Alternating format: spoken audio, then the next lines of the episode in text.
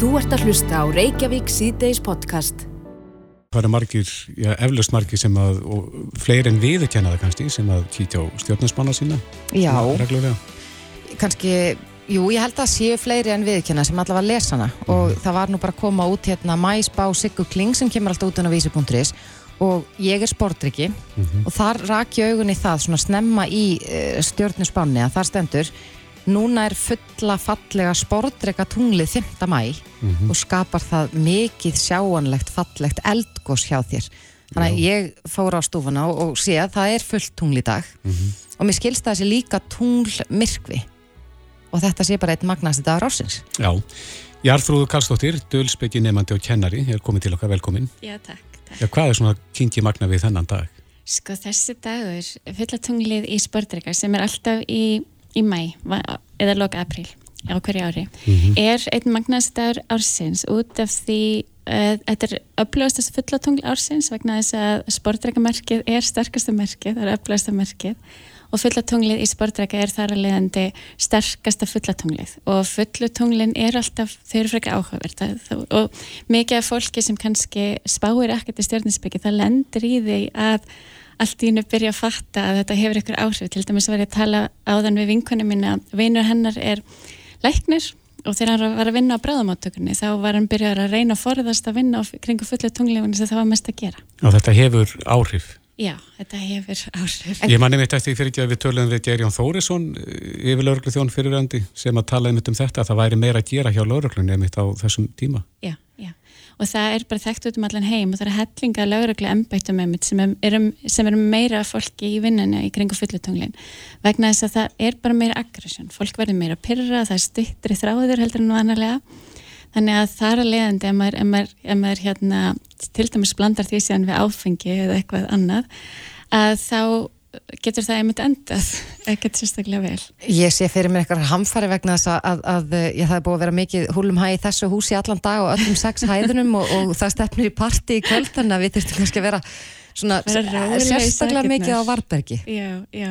Nei og það er, meina, það þarf ekkert að vera slæmt, þetta getur líka verið stórkustlega tíma og annað með þetta fullatungli í mæ er það að þetta er líka, þetta er dagurinn sem búta á bæði hafa fæðist á og uppljómast á, þannig að þetta er rosa stór hátíðisdagur í bútatrú til dæmis.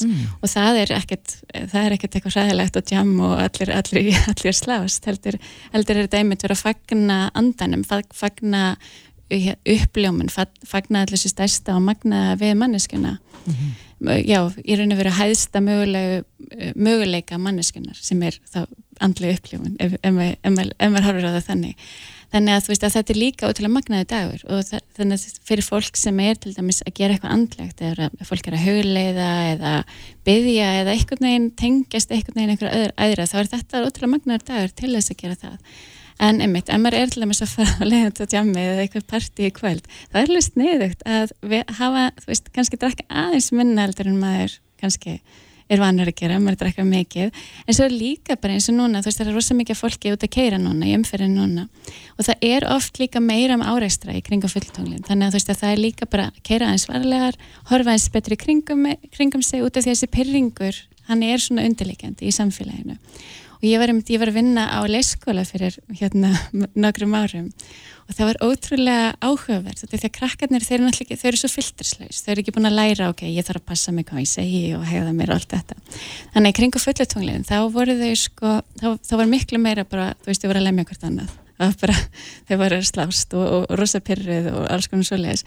En svo í kringu fullu nýjutunglinn að, þá, þá voru þau viðkvæmari og þá voru þau, að væla meira og voru svona veikari þú veist og svona já, áttu aðeins meira bátt einhvern veginn. Þannig að þú veist að það er annað sem er, sem er áhört að, að, að skoða. Er líka með sjálfan sig, þú veist, í kringum nýju tunglin þannig að þú veist, þetta er alltaf tvæk, á tvækjáfna fresti nýtt tungl og fullt tungl. Í kringum nýju tunglin, þú veist, ef maður tekur eftir ef maður byrjar að rífa sjálfan sig niður og gaggarina sig og allt, og, þú veist, vera kannski einmitt, fara hörðum höndum um sjálfa sig, þá er kannski þegar maður veit að það er nýtt tungl, þá getur maður aðeins slaka á, maður getur aðeins kannski já, maður þarf ekki að vera slæmi við sjálfa sig, þegar maður fattar, já, ok, þetta er bara nýtt, nýja tunglið sem er að áhrif á mig, ég bara get aðeins andað og, og beðið í smástund og þá, þá, þá er þetta gengið yfir. En, en er líka tungl myrkvi í dag? Já. Og er það bara tilviljun eða hvað? Nei, sko það er, tunglmyrkvi er alltaf, hann getur bara verið á fullu tungli Ok. og sólmyrkvi getur bara verið á nýju tungli Mm. og sem sagt tungli og sólmyrkvarnir þeir koma tvisasunum ári þá eru tveir til fjórir mögulega fimm sólmyrkvar of, það er á hverju ári er að minnstakosti fjóri sólmyrkvar vanalega, þannig að veist, það er á sex mánuða fresti þá koma tveir og svo hérna, já, í núna er það er, það er einn fyrir temmingum og svo einn í dag, svo eftir halvt ár þá verður aðri tveir Já. Þannig að þú veist, á hverju ári það, það er bara standard. Það er, það er eitthvað sem við vitum að gerist alltaf. Stundum eru fleiri, en þetta gerist alltaf að hérna, já, þú veist, þetta hefur að gera með sportbögu jarðar og sportbögu tunglsins og þegar, þegar, þeir, þegar þessi sportbögar skerast og ef það lendir á fullu eða nýju tungli þá, þá verður sólmyrku eða tunglmyrku. Og en sko út af því ég hefur svo mikið áhuga orku líka og, og hérna og skoða, skoða þetta allt saman að þá eru um, tunglmyrkvarnir og sólmyrkvarnir og, og eins og til dæmis þessi tunglmyrkvar, hann sést ekki á Íslandi. Hann sést um mest alltaf Asi hann sést ekki á Íslandi. Og, en samt hefur hann áhrif. Og, og þá er þannig að þetta er fullt tungl og, og tunglmyrku og þá er þetta eins og svona ennþá stærra og magnara fullt tungl heldur en vanalega. Þannig að núna við erum með sportreika tungli sem er nú þegar til að byrja með án, án tunglmyrkvans svona upplöfast að magnaðast að fulla tungli árinu. En svo bætum við við þessum tunglmyrku og þá verður þetta rosa stórt, rosa intens þannig að, orkan sem að ef maður er ykkur þannig pælingum að þetta er rosa góði tími til þess að kveðja hlutu, hætta hlutum. Eða eitthvað sem maður búin að vera að gera eða kannski ykkur vanal, þú veist, hugsanir sem að maður er að endurtaka sem eru óhjálplegar þetta er rosa góði tími til þess að sleppa öllu svoleiðis. Og það er líka oft sko í kringum fullan, í, í, í kringum hérna sóla tunglmyrkuna þá er fólk í svona breytinga hugleðingum og það er rosa mikið fólki sem ég er búin að heyra um núna sem er bara að hugsa, bara, ég ætla bara að hætta öllu. Bara allt sem ég er bara að gera, ég ætla að hætta því, ég ætla bara að gera eitthvað allt annað. Þannig að það er rosa mikið fólki í akkur þessum hugleðingum núna. Þannig að það, og, og það gerist alltaf í kringum myrkva. Og En af hverju hefur tunglið svona mikil áhrif á okkur? Nú, nú vitum við það að, að tunglið hefur áhrif á flóð og fjöru, er þetta eru mikli kraftar og er mannstefnan ekki allavega 80% vatn? jú, það er það er þetta að segja, ég meina, við, við vitum ekki við vitum ekki af hverju þetta er svona mikil áhrif. En einmitt þetta, þú veist, að, þú veist, þú veist þetta getur tóga til all heimshöfin þannig að, að og valdi, valdi flóðu fjöru þá auðvitað hlýtur þetta að hafa einhver áhrif á okkur. Og við náttúrulega, ég held að við hefum eftir að við skiljum ekki, við, ég held að við em- eftir að læra rosa mikið um hvað við erum eins og bara læknisfræðin og vísindin þau eru sífælt að uppgöta eitthvað nýtt. Við erum, sífælt að skilja eitthvað nýtt. Þannig að hellingar hlutum sem við heldum að væri með eitthvað neginn fyrir 10-20 árum við, við vitum núna að við, við vitum miklu meira heldur en þannig að við erum stöð þannig að ég held að þetta sé einn af þessum hlutum sem eftir ein- einfaldlega uppgöta ég, ég er vissum að er til vísindilega skýringa á þessu sem við erum ba- bara þegar mælitækin okkar verður betri þá munum við Já, geta við erum bara ekki eftir komin ánga en það. Ég held það, en ég, ég geti aftur ándur Nei, þetta er mjög áhugavert og þú hefur nú gefið dagbók og, og uh, ég Já. veit af því sem heitir bara tungl. Tungldabók, Já, þannig að Já. fyrir áhuga sama þá er þetta, já, er Kynna þetta sér það. tungldab- Tungldabók, já já, ég er þrúið Karlsdóttir, dulspeki, nefandi og kennari. Og stjörnusfekking Og stjörnusbekingur. Kæra þakki fyrir komuna og Já. góða helgi og við segjum bara öllum að sömuleiðis. passa sig vel í dag. Já, fara varlega um, umferðinni og í kvöld Takk Þú ert að hlusta á Reykjavík C-Days podcast. Jæja, ég var að fara að ræska mig og, og þá erum við komin í loftið eins eðlilegt að það er. En í gær vorum við að ræða helbriðskerfið og töluðum við hana Steinunni Þórðardóttur, formann Læknafélags Íslands og um gerfigreindina og hvort að hún, já, myndi hjálpa læknum út og hún er orðin ansi snjöll að svara svona hennum ímsu spurningum er við kemur, uh, við koma heilsunni og uh, í lokviðtalsins þá svona skaut hún inn hún steinun að við ættum nú kannski bara að spyrja tjatt GPT að því hvernig hægt væri að bæta íslensk heilbreyðskerfi Já, og tjátt GPT stilaði síðan uh, niðurstöðum í áttaliðum og svona sínum tillögum. En spurningi var, hver er besta leiðin til að bæta Íslands heilbyrðistjárfi? Akkurat og það er skemmtilegt að tjatt GPT segir þarna að, að bæta íslensk, heil, íslenska heilbreyðskerfi er flókið verkefni sem krefst margra atriða. En hér eru nokkur kemur með svona nokkra tillögur. En á línunni hjá okkur í dag er hann Ragnar Freyr Ingvarsson formaður Læknafélags Reykjavíkur, kom til sætt Ragnar. Já, góðan daginn. Eitt af því sem að- að steinun rættum hérna við okkur í gær var það að- að sjálfstætt starfandi læknar uh, væru samningslausir og væri búin að vera það núna í fjögur ára. Það væri eitthvað sem að myndir hennilega bytna á já, fólkin í landinu vegna þess að nú þar hafa orðið gjaldskrár hækkanir og fleira um, við sendum þér nú þessar tillögur chat GPT Hvern, hvernig leist þér á þetta svona við fyrstu sín? ég mér líst bara ljómandi vel á þessar tillögur. Það hljómar eins og chat, chat DPT hafi bara hennilega gert hugmyndir lækna að sínum eigin. Þarna eru fjöldin allur af atriðum sem við sem erum í forsvari fyrir læknastjættina hefur stungið upp á. Mm. Eða var ennaðis yfir þetta? Svona Já, endilega. fyrsta atriði sem hún það er, fyrst, fyrsti liðun hér er að auka fjármögnun. Það er, það er augljós leið Mm til þess að bæta þjónustuna, til þess að laða fólk til starfa. Já, Það er klárlega eitthvað sem vantar núna inn í Íslands helbreyðiskerfi. Það er allavega aukið fjármagn ef það var til dæmis að loka samningum við sérfræðilegna, við salfræðinga, við tannlegna, við yðjúþjálfa, við sjúkraþjálfara og svo mætti lengi telja. Þannig að það er alveg klárt mál að aukið fjármagn myndi, myndi leysa töluverðan vanda. já það er GPT, GPT segir hérna að þetta sé nöðsynlegt til að viðhalda og endur nýja kerfið, þjálfun starfsfólks og tætjabúnað. Já, það, sko þetta, er, þetta gefur auðvitað leið. Mm að þetta er eh, leiðin sem verður að fara og því miður er það svo að sérfæðalegnar hafa verið samningsleysi núna í fjögur ár, fjóra mánuði og í dag er 50 mæ þannig að það er 5 dagar og við erum búin að vera að leita leiða til þess að, að leysa þetta en það virðist uh, stranda á Já. og sem er náttúrulega mjög miður og, og okkur þykir náttúrulega að við erum nöðbeigð til þess að geta reikið þessi fyrirtæki okkar Akkurat. og, og, og því miður hefur það verið þannig að, að sjúklingarnir hefur þetta líða fyrir það og það er algjörlega það er algjörlega ömurlegt finnst mér og það finnst okkur öllum Já, Ragnar, þetta snertir eiginlega punkt nummið tvö sem er að, að sko efla heilbriðistarfsfólk og að launa heilbriðistarfsfólki sangjarnlega. Við vitum það auðvitað að ChatGPT er ekki alveg, talar ekki fullkomna íslensku þó hún sé mjög góð. Nei, En þjálfa það vel og stuð, stuðla góðum vinnu, andalegum skilurðum og að það væri nöðsynlegt til þess að auka ánægi starfsfólks og draga úr flótta til annara landa. Er Já. þetta ágefnið að, að íslenskt heilbriðistarfsfólk er að flýja land og vinna í uh, annar staðar? Já, það er, það er náttúrulega til dæmi þess að íslenski læknar og heilbríðstafsfólk hafi yfirgefið landið en það er kannski öllu alvarlega að vita því að við eigum mörg hundruð lækna starfandi erlendis sem kannski bundi ekki velja Ísland sem uh, sinn búsætustað vegna þess að, að skilriði hér er að mörgu leiti uh, báborinn að því leitinu til að það er ekki hlúðnóa vel að starfsfólki.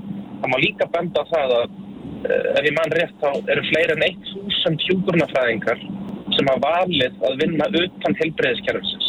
-hmm. Og það er alltaf graf alvarlegt mál að við leggjum í þessar gríðalegu fjárfestingu sem það er að menta helbreyðistarfsfólk og það skila sér síðan ekki tilbaka til þess að vinna með okkur og sinna sjúklingum. Nei. En e, vindum okkur aðeins að punkti nummer þrjú, þriðja hérna til að chat GPT. E, þar er talað um forvarnir og heilsueflingu að leggja meira upp úr forvörnum og heilsueflingu sem að getur minka þörfina fyrir dýrar meðferði síðar á lífsleginni. Áhersla á holdt e, líf, reyfingu, gæðirækt og tóparsvarnir eru til dæmis skagleg. Já, þetta er bara kannski málfarslega mætti laga ímislegt en þetta er hverju orðið sannara. Mm -hmm. og, og þetta hafa náttúrulega heilbriðis passmann og, og læknar þar verið að ráðleggja í, á- um áratuga skeið hættu, hættu, hættu að reykja, farða að reyfa þau uh, hugaða, hugaða hilsunni mættu í eftirlit, mættu í skimanir uh, gættu að þér. Uh, þannig að ég meina þetta er hverju orðið sannar og við vitum það að ef við gætum að þessum hlutum þá munum við draga úr heilsubresti setna á efinni Akkurat. En uh, næsti punkturinn er gæði og gagnsæ. Að fylgjast vel með gæðum þjónustu og gera upplýsingar um þau, uh, um þjónustuna, aðgengilegar almenningi og það geti aukið traust og skilvirkni. Heldur að þetta uh, sé eitthvað sem að, að við mættum taka til skoðunar? Já, þetta eru atriði sem við, maður getum sagt, bara lifum eftir. Við flest, e, e, bara allir læknar, til dæmis til að mynda tilheyra einhverjum læknarsamtökum og, og hérna sinna sinni endurmentum til að tryggja það þessi að veita nútímalega og góða hilbreyðistjónustu. Og svo skiptir það bara alveg óbáslega miklu máli að, að, að, að þessi gagsæðum þessa þjónustu.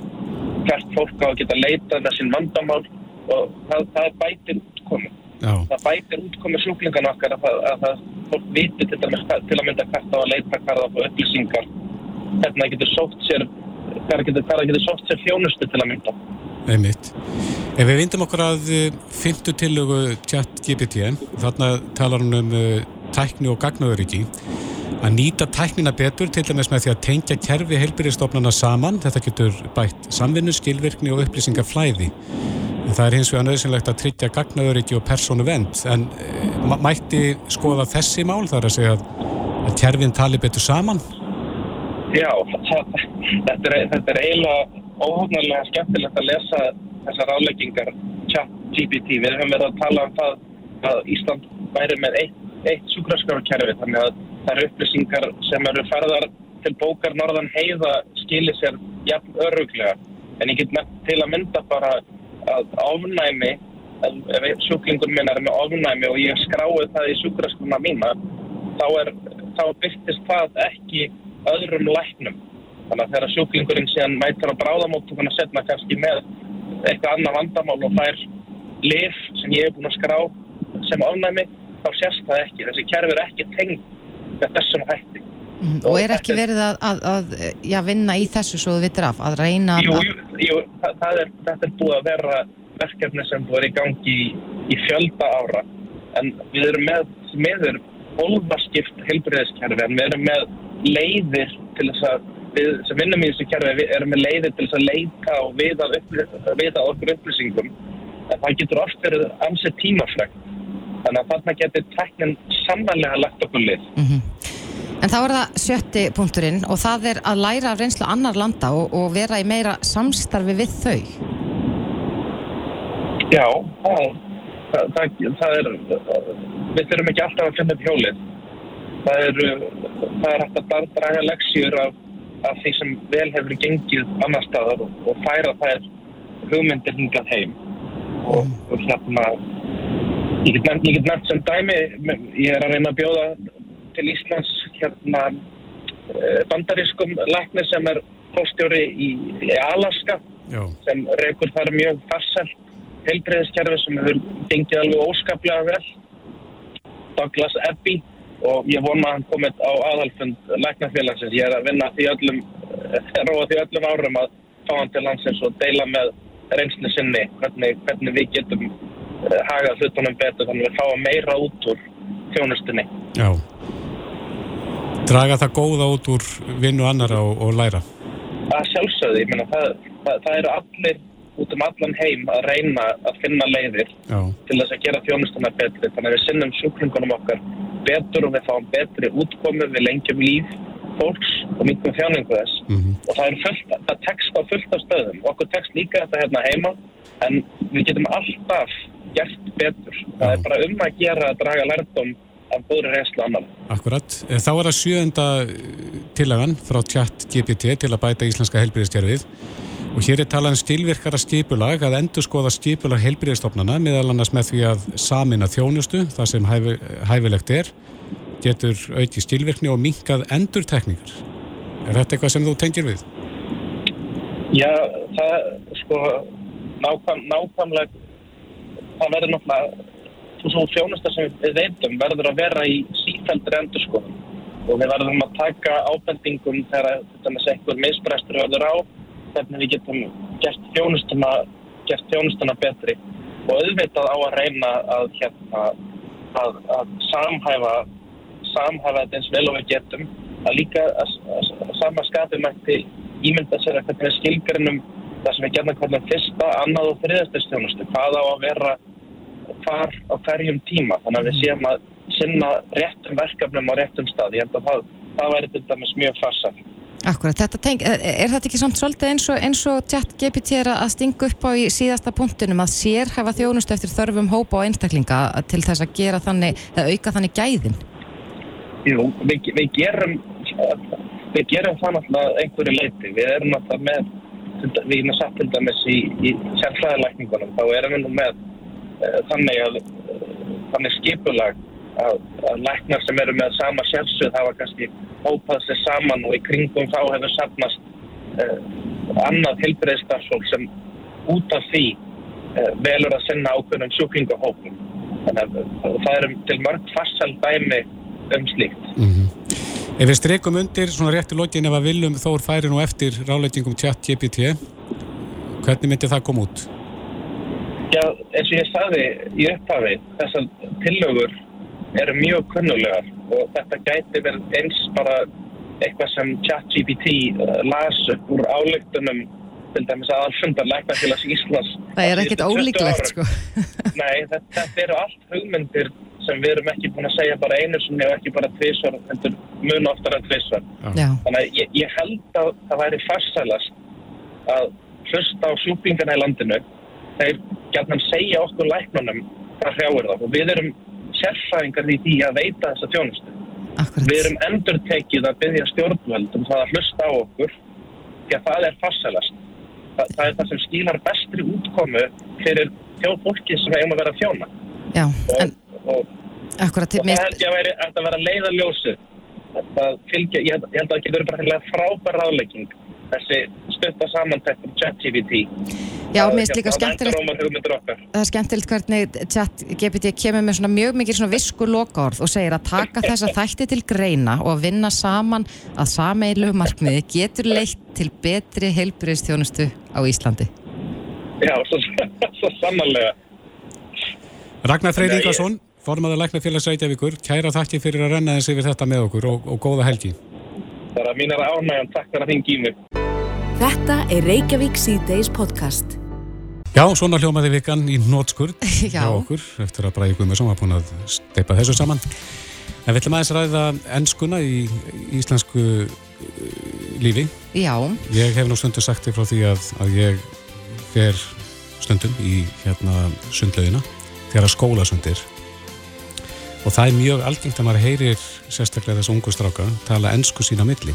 Ég hef nú stundu spurt á, er þið íslenski strákur? Já, já. Akkur er talið þá ekki íslensku? Þetta er bara svo flott. Já, þeim finnst þetta flott og ég hef meirist að tekið eftir sko dætur mínar eru já bara á yngstast í grunnskóla mm -hmm. og ég er svona, heyrið að stundum vera svona, ég er að tala við og þær svara mér á ennsku og bara svona held ég eitthvað til þess að vera cool, eitthvað svona að spreita sig og sína hvað er kunna Æfa sig. Æfa sig, en, mm. en ég beðar alltaf um að endur taka alltaf á íslensku, bara hvernig segir þetta á íslensku til þess að bara vera vissum að það er kunnurgla íslensku orðin. Æmi. En í gær fór fram málþing sem að bara heitið enska í íslensku samfélagi og á meðal framsögumanna var hún Helga Hilmistóttir, rannsóknar dósinn því árnastofnun, en hún rannsakaði orðræðu ungmenna mm -hmm. með tillit til enskunar og hún er sest hérna hjá okkur núna, kom til sæl. Já, þú varst að rannsaka annars vegar orðræðu 15 ára drengja í tölvuleiknum Grand Theft Auto mm -hmm. og svo orðræðu 25 ára kvenna í hlaðvarpstætti. Hver, hver, í fyrsta lagi kannski þú spurðið mér náðan, varstu fluga á vegg eða hvernig fór þetta fram? Já, ég var eiginlega fluga á vegg. Ég fekk, ég baðst rákanum að taka upp fyrir mig samtölinn, þannig að, að það er hægt í Playstation 12 að, að taka upp leikina mm -hmm. og þá er ég með bæði upptöku af öllu sem fer fram á hljóðrásinu þegar þeir eru að spjalla saman og svo sé ég líka skjáin, það sem er að gerast á skjánum sem er mjög mikilvægt líka því að það, skýr, það skýrir svo margt þegar maður sér skjáin hvað er að gerast og hvað stendur á skjánum mm -hmm. Og þú hlustaðir og kom þér á óvart það sem þú heyrðir? Já, það komi kannski á óvart hvað var mikil enska. Þetta, mm -hmm. það var eiginlega tíunda hvert orð. Þegar ég var búin að reik, ég skráði allt orður rétt niður og svo flokkaði orðin og, og taldi sagt, þau orð sem eru ekki í íslenskum orðabókum. Ég dró bara svona ég tók bara svona ákverðuna orð sem eru í ennskum orðabókum en ekki í íslenskri nútífumals orðabók eða íslenskri orðabók að það er þá ennst orð og það eru orð eins og til dæmis turtleneck eða eða mission og fara í mission og, og, og, og svo eru þeir að kaupa sér flying motorcycles og svona. Það er þannig að þetta eru ennsk orð.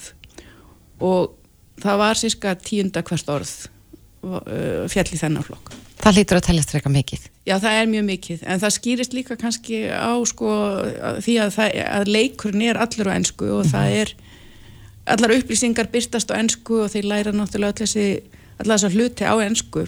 Þetta eru svona tækni orð? Þetta er mikið til tækni orð, var, mm -hmm. þetta voru um 40% af þessum orðum, ennsku orðum voru tengdust beinleginis því sem var að gerast í leiknum eða tengdust tölvuheiminum með beinum hætti. En, en hvað með, með þessar 25 ára konur í hlaðvarpstætti? Já, það var uh, líka mjög mikið af svona lýsingarorðum hjá þeim. Þær, þær voru að tala um eitthvað verið cute og gorgeous og, og, og, og um, crazy og oftast notur þessu orð með svona, um, hvað maður að segja, leikrænum amerískum hreim eins og það væri pínu að stíli sér að sko. Mm. Crazy, já, já. gorgeous og svona pínu að íkja og notuðu þessu orð kannski til að miðla einhvers konar stemningu og og hughrifum mm -hmm. og svo er þau líka með mjög mikið af þessum stuttu tilsförum been there, done that eða, eða hérna, haven't we all þannig að þetta var ekki svona hluti af um, ekki hluti af því að miðla upplýsingum þetta var, þetta var meira svona auka svona, mm -hmm. svona loka orð einhvers konar svona eitthvað hver voru, já, hver voru hlutvöldin þarna samabóri við strákana? Ég var ekki búin að hérna, skrá niður nefnilega allt samtala því ég var ekki búin að reikna út hlutfallin þar. Ég held að það sé aðeins minna en hjá strákunum. Mm. En, en við, við höfum nú oft talað um það hér í þessum þætti að, að sko það er náttúrulega eitt að sletta og ég held að, að ég, flestir vanda sem nú kannski alveg við það að reyna að sletta minna mm. og, en, en svo er það bara börn sem eru bara að byrja að tala saman sína millik. Hvað gæti skýrt þetta? Já, í fyrsta lega þá vitum við kannski ekki alltaf tungumála bakgrunn þessara einstaklinga. Þetta gæti náttúrulega verið börn sem eiga fóreldri sem er aðflutt og, og kannski er, er tungumálið heima einhver leiti enska mm -hmm. eða börn sem hafa búið útlöndum, Ma, maður veit þetta ekki, maður sér ekki alltaf á börnunum hvaða tungumálið tala heima.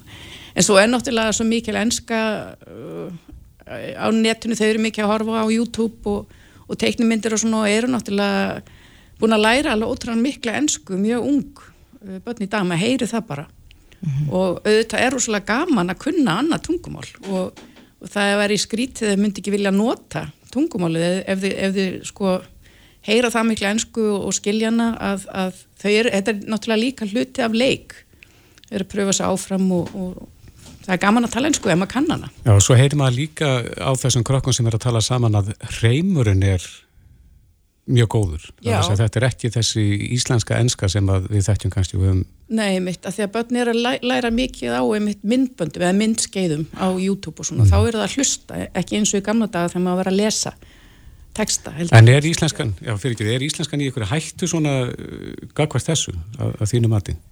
Uh, einhverju leiti er þetta náttúrulega aldurskeiðið þegar maður er ungur og það, það, það er bara enginni unglingamáls í Evrópu almennt að, að það er mjög mikil enska í, í unglingamáli og, og hefur verið lengi, það er ekkert nýtt.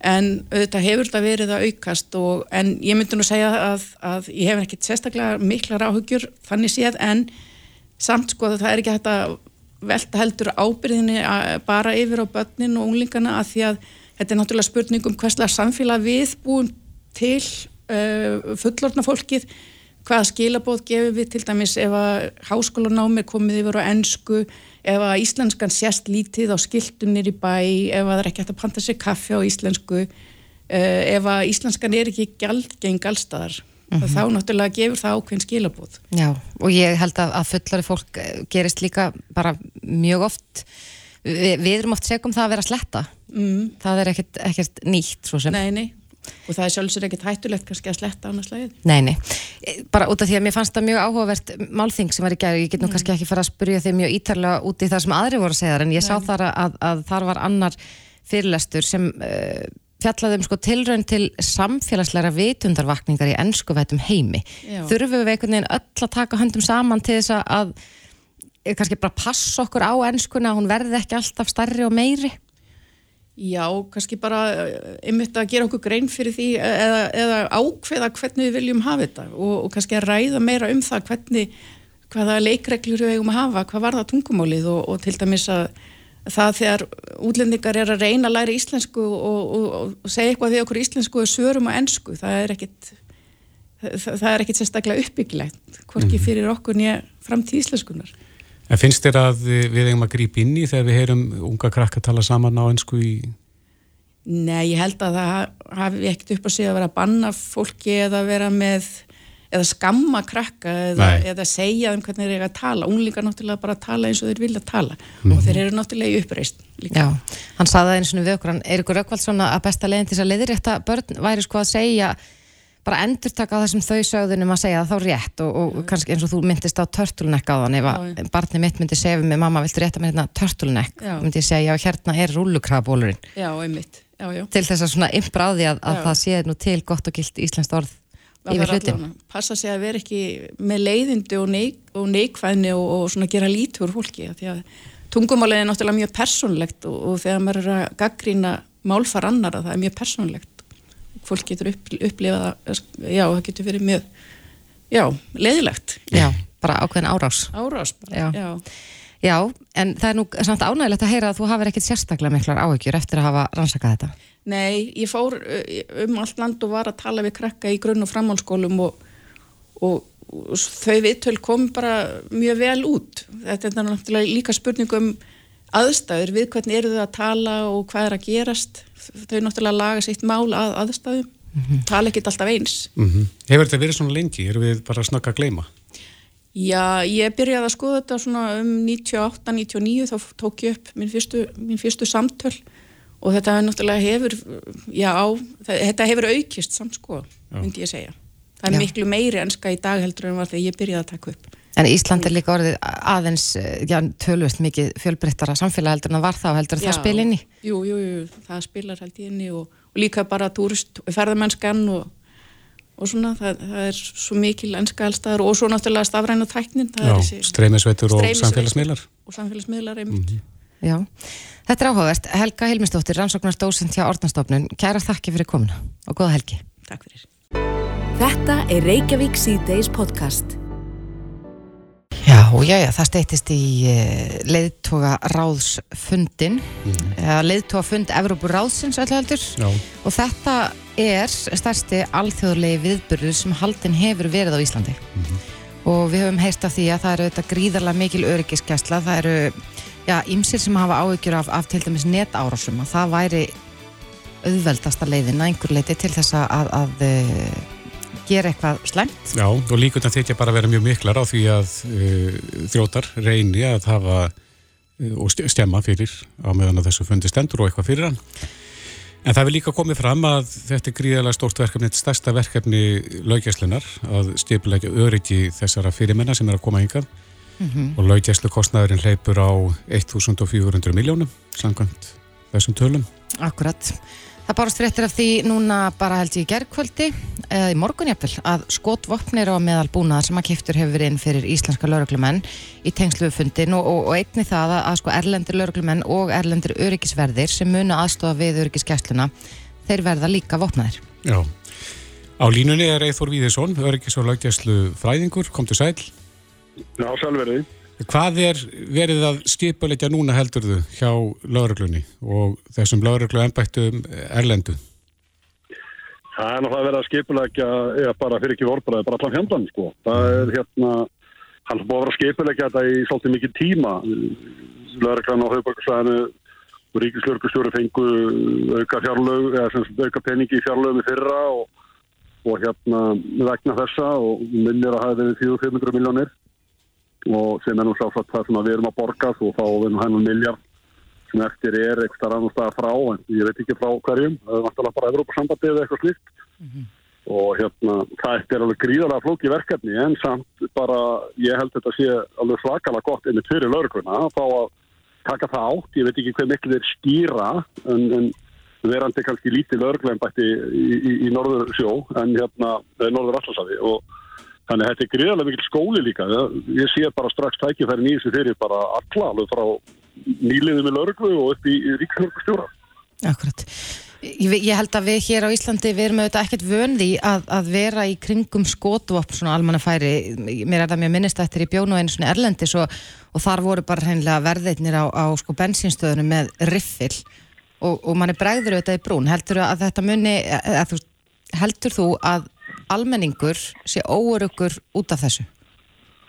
Nei, nei, við erum einn mest að ferða þjóði heimi og, og, og maður er erlendis og auðvitað aðeins, fælega er þetta mjög áhugavert fyrir mig en, en svona bara sem borgari að þá pínu lítið bregðumanni, ég er náttúrulega læra í bandaríkjónum og bara allir um þessur og það er héttu öryggis eða lögjast eitthvað en sko ég, þeir eru ekkert að fara að standa alveg opnaði fyrir þann prikið á lögdagskuldi, sko, þetta er ekki alveg þannig við erum ekkert að fara að sjá vopnaða menn mikið nema bara rétt í útjæðri þessi svæður öll lokuð og uh, þeir, ég efast um að ríkistörpustjóri eða þessi fórsvarsmenn þessara, ég hvað að segja, aðgera að sé að fara að setja þungvopnaða menn í, í, í ysta lag hlugsins eins og ég segja, þetta verður svona í, í lögum og, og, og yst eru bara lítið vopnar eða jafnvel óvopna fólk og, og, hérna, og svo bara eftir sem innan dregur í átt af þessum þjóðkjörnu fulltrúamöllum og leðtugum og þá og þá fingist vopnabörður þannig að almenningur, ég veit ekki, ég efast um almenningur verði mjög varfið þetta svona þessa helgi. En það er skild að þessar aðeins að tryggja öryggi þessar fólk sem er að koma hingað og, og þau taka þess ekki léttvægt? Nei, þetta er, sko, við erum fulltrúar, við erum aðeinar að alls konar samkominlegum og, og hérna við, ef við ætlum að gera okkur gildandi sem við erum að reyna að gera á, ég held að það gangi bara ágætlega á marganhá, að þá þurfum við stundum að, að ef þú ert í rauðinsklub þá þarfst stundum að halda partí, sko, þó búir í lítill líbú mm -hmm. og hérna, og þá kannski bara eh, flaggar því sem þú hefur og, og vandar við eins og þú getur, við getur ímyndaði það og, og við ætlum að gera það, við heldur séum að gera það og svona fundir er ákveðni með mjög miklu fyrirvara og, og hérna þannig að við erum að sko við bara erum að fara að gera þetta sem við getum og ég menna þetta með vopnin ég hef engar ágjör af þessu. Við fáum að sjá og lítið af þessu. Það verður eitthvað ljósmyndir af vopnuðum mönnum og það er verið að fara að tekna með sterkri ádráðarni þessu mm -hmm. En, en nú er, er við svona frekar lítið samfélag og, og herrlaus þjóð. Heldur þú að, að já, þrjótar sem að vissulega eru til sjáu, mm. sjáu það sem einhvers konar tækifæri til þess að láta til skara skriða? Já, ég, sko, þess að nú henni kynningunni, sko, þetta með netára sér, það er nú svo, það er náttúrulega auðveldast af því að við komum til þarf ekki að, að fara út úr húsi í raunni og hérna getur verið startur hvar sem er, hvort það er í Suður-Amerku, Erfslandi eða hvar sem er og, og það er, ég held að það sé svona stóra hættan en en fyrir líkamlegt öryggi fólks frá leittóana þá er náttúrulega netáras kannski ekki aðalmálið. Sko það er bara skilt okkar að taka þátt í þessu verkefni. Þú mætir ekki í lífvörslu eða öryggisvörslu á svona og lögjastlu á svona atbyrg og vopna það væri bara það væri bara fólki kjánalegt ef eitthvað kemur fyrir og, og, og, og við stöndum hérna íslensku lögurglumendin með kilvurnar okkar og piparspreið ég við erum bara, núna þessa helgi erum við stór, erum við hluti af stærri heim og það er ákveðna kröfur sem eru gerðar. Sem er mæta bara ekkert ef að, að verðinni er að fá ekki að vera vopnaðir, þeir meiga það hefur bara ekki. Mm -hmm. og hérna það er búið að, búið að drepa þjóðarleit tóiður löndum og, og gennum tíðina. Þannig að þeir bara get ekki sett sitt fólk í fínum jakkaföttum við hliðin á þjóðleitunum óvopnað af því að Ísland er í, í gegnum tíðina óvopnað. Nei, en, en Eithor en að því. Að hún nefndi þess að þróta sem að hafa kannski eitthvað illt í huga geta þeir litið mm. af Ísland sem veikan hlekk vegna smæðar landsins? Já, það, já, sko það er, sko öll áhægt að berið sér líka tækifæri, sko. Að, að vera lítil og það er líka kost og uh, það er einn höfn hérna, uh, uh kefnarklufuglu sem að tekur á móti nánast öllum og, og svo norrana og aðrir jafnvel bara, það er ekki hægt að komast inn í landi í rauninni á, á, á góðan hátt annar stað frá eða annar stað þannig að við kannski er bara það að hafa eina hurðin í landi svona, svo til.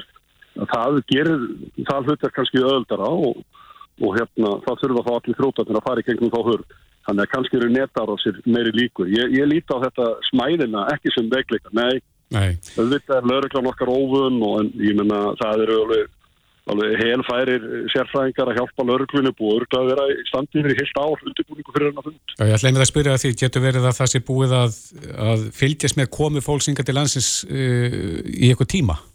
Já, alveg klálega. Annað væri bara kærlösi. Já. Mm -hmm.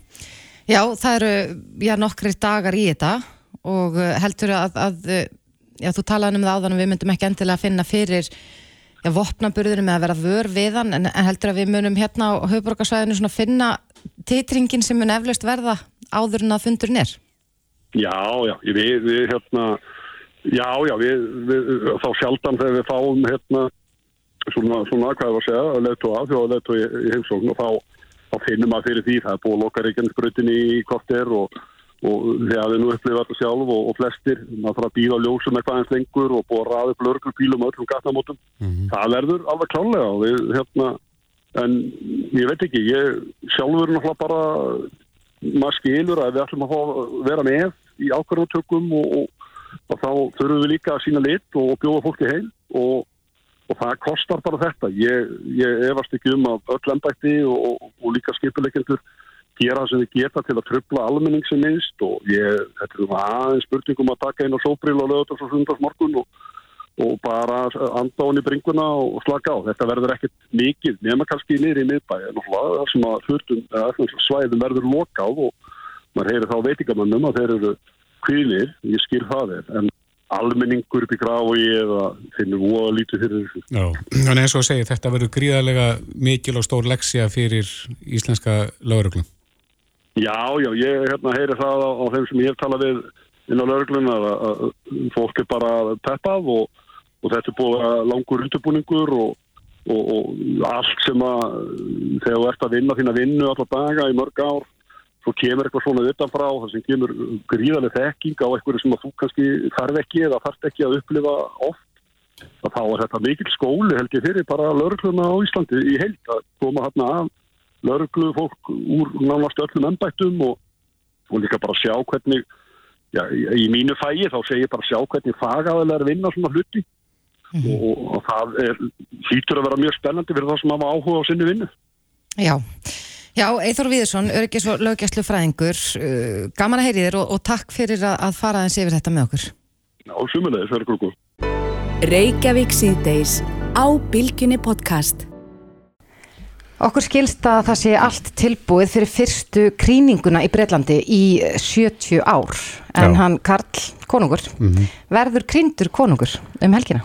Já, menn eru svo sem ekki mikill í æfingu, kríningaræfingu? Nei, alls ekki og það er búið að vera svona eitthvað aðeins verið að, að, að eh, já, breytar eru svolítið að rífast um það hvort að, að þeir eru að borgetur sínum sjóðum eða hvort að mhm. krúna nætti bara að halda þessu uppi sjálf Einmitt. en eh, við erum komið með til okkar hann Heimi Má Pétursson frettamann Sæl.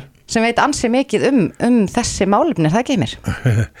Jú, sko þeirra vísandi skoðanakannana um hvort að almenningu sem vilju til að borga fyrir gríninguna mm -hmm. ég myndi nú taka það mjög svona varlega vegna þess að uh, mikill meir hefði breytað mjög hlindur uh, konustæminu þannig að, að hérna ég held að það myndur nú ef áreindir sko, ekki skipta miklu máli en, en já, fyrsta skiptið í 70 ára þetta uh, móður Karls, Elisabeth hún var krínd 53 þá 26 ára, hún var drottning 25 ára gömul árið 52 mm -hmm. Þegar hann fadir dó þannig að hún náttúrulega ríkti í 70 ár og það hefur enginn setið eins lengi á móður hans þannig að hann, það hefur enginn heldur verið eins lengi krónprins í, í, í sögu Brellans og og Karl. Hvað tekur, hvað, hvað er hann gammal en Karl? 74 ára. Hann er 74 ára. Mamma svo 25 ára þegar hún var drotning. Þannig að þið séu það. Þannig ef hann erfir langlífi móðu sinna þá gæti hann átt eitthvað góðan sprett. Já, gæti alveg átt það sko. Mm -hmm. uh, hann gæti þessu norð eins og hún 96 ára og þá verður Viljálmur kannski fann hann alveg stundu þegar hann verður konungur. Mm -hmm. En þetta er svolítið merkilegt svona sögulega séð að, rétt á henni komið að vera að kíkja á það sko frá 1830 e, til 1930 og svo núna kannski að vera 30 í 200 ár mm -hmm. það hafa bara verið átta uh, konungar og drotningar í Breitlandi já, já. í rúmum 200 ár. Og eitt er að var nú bara í, í, í, í tíu mánuði. Mm -hmm. og þannig að þetta er eiginlega bara sjö á 200 árum. Það hafa verið mun fleiri sólmirkrar á jörðinni á þenn tíma heldur en að verið krýndir konungur að drotningi í Breitlandi þannig að stöðleikinni mikill og og Karl verður sko færtuasti konungurinn eða drotningin sem að hlýtu kríningu í, í, eh, í Westminster Abbey frá árunnu 1066 Það er rosalega Það er rétt um það bíl sem Ísland er, er, er, er rétt eftir að Ísland byggist, svona 200 árum eftir að Ísland byggist mm -hmm. að þá hafa bara 40 verið krýndir þannig í, í Westminster Abbey. Þannig að þessi stund, þessi kríning, þetta er gríðarlega eh, já, stór atbyrður bara í, í sögu krúnunar Já, já, hún er það alltaf og sögu bresku þjóðarinnar. Og hún, þessi aðtöfn er líka mjög djúb trúalega aðtöfn. Mm. Er að segja, það er til þess að flytja ólju frá, frá, frá uh, oljulundum við, sem að vaksa þar sem að talið er að Krist, Kristur hafi verið krossistur og, mm og, og, og í gafinigardin þar sem að, hann hafi verið svikin og svo olja var tekin þar og hún var síðan uh, blessuð af, af af, af hérna, patriarkanum í, í, í réttrúna, grísku réttrúna kirkjunu í, í Jérúsalem og það eru ólíjan sem að verður uh, sett á brjóstans með krossmarki. Og já svona hvað ég að segja, þau trúa því í raun og veru að þau séu uh, þar með komin í, í þetta við erum alltaf að kalla þetta ennbætti en komin á þennan stað fyrir, fyrir vilja Guðs. Já, Guðs útvalin Guðs útvalin mm -hmm. og konungar og drottningar Breitlands eiga sér engan yfirmann annan en Guð Nei. En hvernig kongur er og verður Karl? Ég held að Karl verði príðilegu konungur hann uh, margir svona áttuðust að hann er allt of skoðana mikill vegna þess að hann hefur gegnum tíðina haft mikla skoðanir á ákveðnum málum hann hefur haft mikla skoðanir á arkitektur og og sagði fyrir nokkrum áratögu síðan að, nútíma arkitektar í Breitlandi hefðu valdið meira tjóni á lundunum heldur en sprengja ára sér þjóðverja sagði uppbyggingin hefði, hefði bara verið byggð hörmung og hann á rústónum og, og fyrir þetta voru arkitektar mjög reyðir og hann hefur líka, hann er algjör brautriðandi í, í um, umhverfismálum mm. í Breitlandi Mikið umhverfið sinni. Já og þegar hann var að, að fóra að tala um umhverfismál og umhverfisvend og, og lofslagsvana mm -hmm. þá var bara hleyjaðan og það var engin að tala um þessi mál í Breitlandi en, en núna er hann orðin bara mainstream í þeim öfnum og, og þannig svona óttuðsmargir að skrifa hann einhver bref til uh, ráþera í ríkistjórn í gegnum árin sem var að upplýsta hann hafi gert Uh, sumir töldu þarna væri hann að skipta sér af stjórnmálum og svo framvegis. Uh, ráð þeirra tóku þessum að gilla þannig bara þetta væri ágættið svona hugleðinga frá, frá prinsinum. Margir óttuðist að hann svona myndi halda þessu áfram þegar hann er konungur en hann sagði nú sjálfur í vittali að hann væri nú hann, bara eins og annar að ég er ekki fíbl ég veit um hvað þetta ennbætti snýst og, og hérna og gerum við fullkonlega grein fyrir því að að það er annað heldur en að vera krónprins Já, enda búin að hafa dágóðan tíma til þess að undirbúa sig Já, búin að hafa 70 ár Akkurat. og það er eiginlega merkilegt sko að líka hann skuli hafa komist klakklaust í gegnum uh, hjónabandi með díun og skilnaðinn og allt það sem því fyldi og vera síðan giftur konni sem að hann í raun og veru vildi alltaf giftast mm -hmm. fyrst mm -hmm. og en var í raun og veru meinað að giftast og, og meira og minna af ástæðan sem við hlægjum að í dag ástæðan fyrir því að hann gæti ekki gift Kamilu eða hún gæti ekki orðið hans einhvern og þá var að hann hafi sofið hjá henni fyrir hjónabandið. Já, já, þá var ennþá þú, svo trú að, að, að, að konungurinn varð að giftast hreitni mei mm -hmm. og það er ekkit svo langt síðan að þegar að konungur svaf hjá drotningu sinni fyrst að þá voru vittni að því og, og það var farið að loknum þeim samförum var farið með blóðut lag út á svalir og því veifa til sonnar um að, að drotningin hafi verið hrein með þetta er auðvitað sko út á ókta við það sem verið að blanda erðavenjunni mm -hmm. að, að að börnin séu raun og veru ekki börn konungs en auðvitað í dag er engin vitni af, nei, nei. af, af samförum skulum vona ekki og, og svo framvegis en það er samt sko fyrir auðvitað dittna þegar sko þegar að fæðingin er, það var líka Mikil Hersing alltaf viðstöld fæðingu drotninga mm. og en það er nú ekki lengur en hins að býða fyrir utan hins svokallu vitni og koma einu leið og fæðingin í búin og votta það að drotningin hafi eignast þetta aðkvæmi mm -hmm. þannig að þetta er svo miklar hefðir þetta er svo, þetta er svo, þetta er svo gömul ætt mm. ekki, þessi vinsurættir er kannski svo gömul en konungdæmið er svo gamalt í Breitlandi Já, en þetta verður allt í beitn útsendingu á vísi og stöðtöfu vísi Já. og hefst bara klukkan 8.45 í fyrramáli þannig að þetta Já. verður skemmtilegur morgun kaffibóli Já, byrjar í fyrramáli þá er svona þá eru fulltrúar herdeldana að stilla upp og og núna ég var ég bara að horfa á BBC rétt aðan og það eru sko þúsundir manna nú þegar búin að tjálta við The Mall og, og fleiri stað og við Buckingham Hall mm. til að missa ekki að því að vera að missa ekki að síningunni sko þegar skrúgangan fer frá Buckingham Hall nýri Westminster Abbey hún verður stittri heldur en þegar að Elisabeth var grínd að búið stittana og líka bakaleðinni Elisabeth fór miklu lengri ferð og í gullvagninum eh, sem munir kannski eftir stóri gullvagnin sem er dreina hestum mm -hmm. hann er mjög gammal og hann er ekki hann er með vondadempara, hann er drotningi sjálfsæðun og ekkert manna, þetta hefur verið mjög erfið ferð að sýta í þessu hastavagni í, í tvo klukkutíma eins og hún satt. Mm -hmm. en hann mun bara rétt vera rúm á klukkutíma. Og til þess að fólk getur þetta fylgst með það, því það er mjög mikilvægt að, að almenningur geti verið hluta þessu. Og Það þarf að huga við örygginu. Já, svo er það, en það er nýrvaks sem var smíðaður sko í Ástralíu þegar að, nei, ég held að Ástralíu er eitthvað nýbyrnarlandi, Nýjaselandi Nýjaselandi, þegar að Elisabeth hafi verið 60 ára á, á, á konungstóli Mhm. og þá var smíðað nýrvagn og hann er með dempurum og loftkælingu og, og, og, og kallaði demansvagnin og Já, Karl fer í þeim vagni Mhm. til kirkjunar Mhm. en í gullvagninu undir baka. Og það verður mjög merkilega að döfnu og þegar að Elisabeth var grín þá var, þá var mm, mikil reikistefnu það hvort það ætti að sjónvarpa því allu live. Eh, það var fyrsta skipt sem að gera beinútsendingur og slíku. Og veit ekki hvað ég muni ef þið hort á Crown til dæmis Mhm. þá sést að þegar að kemur á þessari helgustu stund í kríningunni þegar að biskupina Kantaraborg setur ólíun á brjóst drotningar að þá að tjaldað yfir þannig að það var ekki, því var ekki sjónvarpa, fólk ekki, ekki að já. sjá það nú er spurningin fá að sjá þegar að skýrtamennur opnuð á, á Karli og ólían sett á brjóstan sko. Já. Hversu, og það er náttúrulega í lit, þetta er í svarkvítu En, fyrir 70 árum þannig að þetta eru margt sko, tímamóti í þessu og þetta er, við erum að vera vitni að, að sko, svona, sögunni, mjög langri sögu sem á hefðum. Og ekkit okkar sem situr hér væntanlega að Karl lifir eh, eh, já, ég veit það ekki. Kannski því náðu því, ég er efast um að ég náðu því að verða vitna því þegar Vilhjálmur verður krýndur. En uh, rekna með því að Karlinn fá hann á hangaðan í 20-30 ár. Já. en þetta er mjög sögulega viðburður Mhm. og það verða sko miljónir, ég held að rúmum miljardur hafi hort á útför Elisabethar Mhm. í sjónarbi þannig að það verður eitthvað svipa þarna. En uh, Harry og Meghan, það er menn að spá í það, hvort að þau verða Harry verður þarna, ekki Megan uh, uh, Harry mun mæta.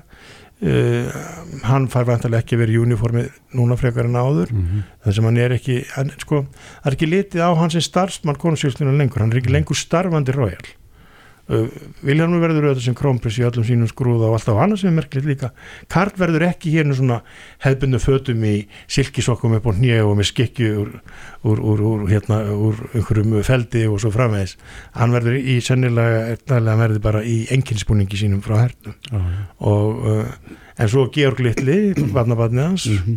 og barnabörnin hennar Kamilu þau verða svona skikkiberar á eftir og þannig að þetta verður allt mjög átilegt og, og endar svo með því að þau koma út á svalunar og fá hillingu og, og breski flugverðin flýgur heiðislu yfir hallina þannig að við erum að reikna með þetta verið búið svona klukkan hálf tvö á morgun. Þetta verður svolítið rispa. Sko ég byrja, ég svona mun lýsa þessu svona aðeins eh, en ég mun ekki byrja það fyrir svona hvað Uh, kortir yfir nýju Já. svona hálftíma lefum sem bara að lifa Akkurat. Já, við hvetjum fólku þetta til að fylgjast með þessu og það verður gaman að fá að heyra þig lýsa þessu en það ertu, uh, sko, Og- veistu alveg Guð, Óbærslega og mikið. Guðinni fórsiti okkar og, og Elisa verður auðvitað á staðan Já, ásamt 40 rúmlega þjóðalitum Heimir Már Spennandi. Pétursson, fréttamaður, takk kærlega fyrir komuna og bara góða skemmtun á morgun Já, takk fyrir það lítið Hlustaðu hvena sem er á Reykjavík C-Days podcast.